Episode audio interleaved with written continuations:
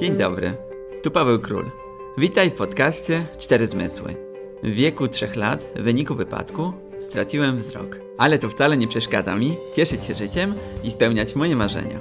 Wziąłem udział w trzech triatlonach, trzech maratonach, trenowałem brazylijskie jiu i wziąłem udział w wielu zawodach. Walczyłem jak równy z równym z osobami widzącymi. Niektóre zawody udało mi się nawet wygrać. I nauczyłem się mówić płynnie w trzech językach obcych: po angielsku, francusku i po hiszpańsku. I zrobiłem wiele innych ciekawych rzeczy, o których chętnie Ci tutaj opowiem. Jeśli chcesz wiedzieć, jak osiągam moje cele, jak wygląda moje życie na co dzień i jak podnoszę się po każdym upadku, to zapraszam Cię do wysłuchania tego podcastu. Poprzednim podcaście opowiedziałem Wam o tym, jak straciłem wzrok i opowiedziałem Wam o tym, jak wyglądało moje życie aż do ukończenia szkoły podstawowej. A w tym podcaście zapraszam Was do wysłuchania tego, jak to było, gdy byłem w liceum. Opowiem Wam o trudnym okresie dojrzewania. No to co? Zaczynamy. Cofnijmy się do roku 1999. To był jeszcze XX wiek. Były wtedy pierwsze takie ogólnie dostępne, już nie aż takie drogie telefony komórkowe. Modelem topowym był wtedy Siemens C25. Moja siostra taki telefon miała. Dwa lata później sam dostałem telefon komórkowy na Mikołaja. Liceum było dla mnie takim przełomowym okresem, bo byłem nastolatkiem, zacząłem dorastać, zmieniłem zupełnie otoczenie. Był to taki czas, kiedy potrzebowałem jednak e, stabilności. Ale może nawet dobrze mi to zrobiło? Za chwilę wam powiem dlaczego. Pamiętam jak poszedłem z mamą do liceum po raz pierwszy, żeby się zapisać. Porozmawialiśmy z wicedyrektorką. Pani wicedyrektor powiedziała, że muszę jeszcze, musiałem jeszcze donieść e, wyniki mojego egzaminu wstępnego do szkoły, no i że potem mnie przyjmie. Napisałem ten egzamin, Niestety nie poszedł mi za dobrze, ale zostałem przyjęty do szkoły. Zanim zostałem przyjęty, oczywiście musiałem znowu przejść badania psychologiczne. Zacząłem więc tę szkołę. To był dla mnie duży przełom. Nie znałem tam kompletnie nikogo. A że byłem nieśmiały, nie umiałem też sam z siebie tak po prostu zagadać do nikogo. No bo jeśli nie widzisz, to też nie wiesz w ogóle do kogo mówisz.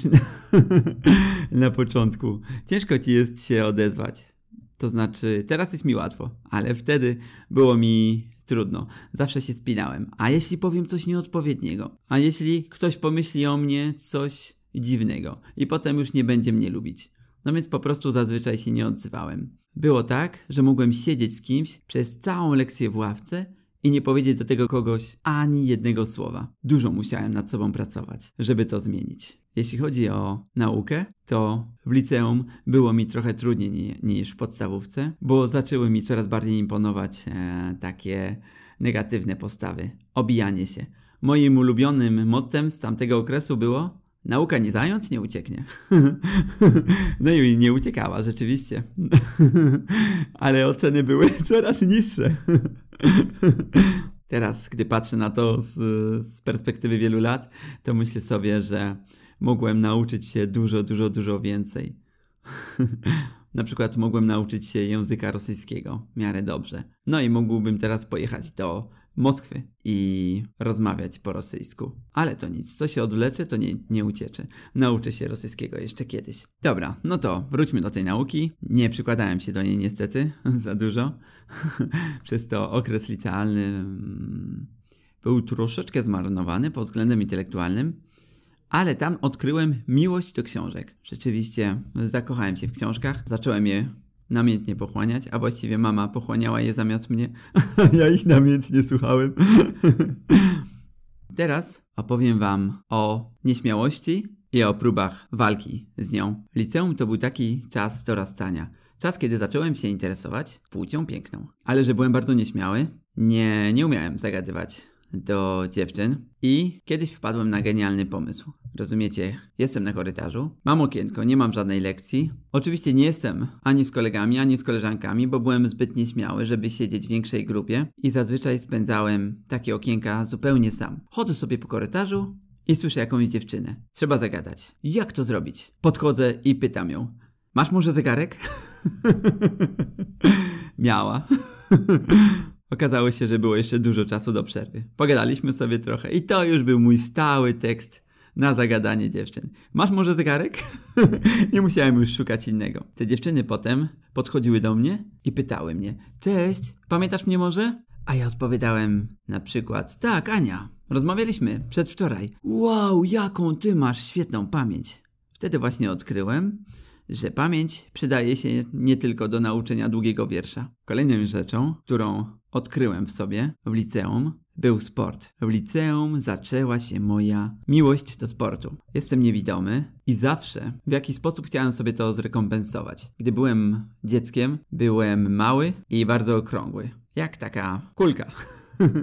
Przez to Właśnie też, nie tylko dlatego, że byłem niewidomy, ale też dlatego, że byłem e, gruby. Dosyć często mi dokuczano. W liceum trochę już urosłem, już nie byłem taki gruby, ale chciałem być też sprawny fizycznie. Chciałem sobie jakoś zrekompensować to, że nie widzę. No i szwagier mojego szwagra był trenerem Kyokushinkai, karate. Kiedyś się zapytałem, czy mógłbym u niego trenować, on się zgodził, zacząłem do niego chodzić na treningi. Słuchajcie, pierwszy trening to była masakra. Zacząłem, e, poszedłem tam na ten trening, zaczęliśmy rozgrzewkę, zacząłem biegać, robić pompki, brzuszki, grzbiety, przysiady. Rozgrzewka trwała jakieś pół godziny. Potem przez tydzień nie mogłem się prawie ruszać. Naprawdę, nie przesadam. Zakwasy miałem po prostu nieziemskie, kosmiczne.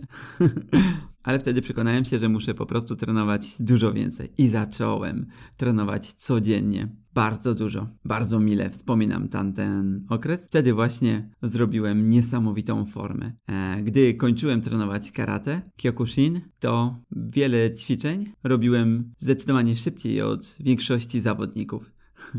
Byłem z siebie wtedy bardzo, bardzo, bardzo dumny. A jak trenowałem karate? Bo osobom widzącym może się wydawać, że jeśli ktoś nie widzi, to nie może trenować karate, bo jak on ma zobaczyć tego przeciwnika?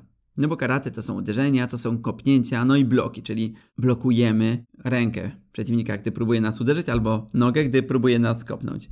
No albo schodzimy z linii, czyli unikamy uderzenia. Otóż osoba niewidoma nie może walczyć na większy dystans z kimś, kogo nie widzi. No więc opiera się to na kontakcie fizycznym. Musimy czuć naszego przeciwnika, czyli jak tylko mamy z nim kontakt fizyczny, wtedy możemy się bronić albo możemy zaatakować, bo, bo czujemy po prostu, kiedy ten ktoś nas próbuje uderzyć albo kiedy nas próbuje kopnąć wbrew pozorom, to nie jest aż takie trudne. Natomiast kiedy nie widzimy, kiedy ktoś jest od nas daleko i nie czujemy, e, co on chce zrobić, to nawet dziecko mogłoby nas pobić. Naprawdę. Zaraz po zakończeniu treningów karate Kyokushin, e, które przerwałem e, nie z mojej winy, to było spowodowane sytuacją rodzinną, o której tu nie będę mówił, zacząłem chodzić na siłownię. U nas w szkole, w liceum była siłownia. Ona była w szatni, więc zawsze kiedy zostawiałem moje rzeczy w szatni, przechodziłem obok tej siłowni. Porozmawiałem z dyrekcją i mogłem sobie chodzić tam zawsze, gdy tylko siłownia była wolna. No i to było super. Zacząłem tam chodzić na początku w czasie przerw, a potem zacząłem zostawać po lekcjach. Chciałem być wtedy taki duży jak Arnold Schwarzenegger. A? Widzieliście kiedyś ślepego Schwarzeneggera? ja też nie. no ale nim nie zostałem. nie miałem predyspozycji fizycznych. A poza tym jeździć tak na te zawody kulturystów, smarować się jakąś oliwką i w ogóle. Nie, to nie było dla mnie. Mnie pociągały sporty wytrzymałościowe i sporty walki. No więc e, tę siłownię zacząłem traktować jako taki trening przygotowujący, wzmacniający do judo, które zacząłem trenować już wkrótce po liceum. Liceum e, mijało sobie pomału. W końcu nadszedł czas, by podjąć decyzję, gdzie, do jakiej szkoły pójść. Czy na studia, czy do studium masażu. Nie wiedziałem. Jak zawsze byłem niezdecydowany i nie wiedziałem, co mam robić. Trzeba było coś wybrać. osoby niewidome mają jednak dosyć ograniczone pole manewru. No, a jak nie widzisz, to też nie możesz manewrować za bardzo. Zaraz wejdziesz jakąś przeszkodę. no więc doszliśmy do wniosku, że e, pójdę na fizjoterapię na Uniwersytecie, Uniwersytecie Jagiellońskim. Pojechaliśmy tam z mamą, wchodzimy do biura, gdzie był rzecznik do spraw osób niepełnosprawnych.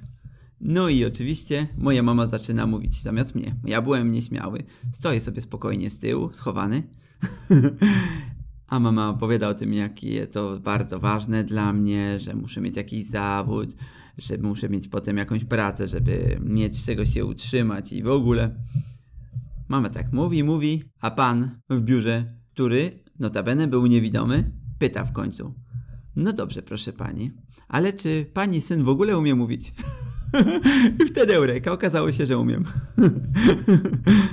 Też powiedziałem o, o tym, jakie to jest dla mnie ważne i że chciałbym e, studiować tę fizjoterapię, żeby mieć właśnie jakiś zawód i żeby też e, pomagać ludziom. No, fizjoterapia to jest po prostu rehabilitacja, ale okazało się, że elementem fizjoterapii jest też fizykoterapia, czyli e, trzeba obsługiwać różnego rodzaju maszyny, nie? różnego rodzaju aparaty, których ja nie byłem w stanie, nie widząc, obsłużyć. No więc nie zostałem przyjęty na fizjoterapię na UJOcie. Za to poszedłem do, uwaga, stereotypowo zrobiłem. Poszedłem do studium masażu. To taki stereotyp, że niewidomy masażysta, tak? Bo niewidomi mają lepsze czucie w dłoniach. W studium masażu przeżyłem największy kryzys mego życia związany z tym, że nie widzę. I o tym wszystkim opowiem Wam w kolejnym podcaście. Już teraz zapraszam. Jeśli dobrze słuchacie się mojej historii, zasubskrybuj ją. A na pewno nie ominą Cię kolejne podcasty. Nie obrażę się też, jeśli powiesz o moich podcastach Twojej rodzinie i znajomym. Wręcz przeciwnie, będę Ci bardzo wdzięczny. I myślę, że oni też będą Ci wdzięczni. A tymczasem życzę Ci miłego dnia i do usłyszenia w następnych podcastach.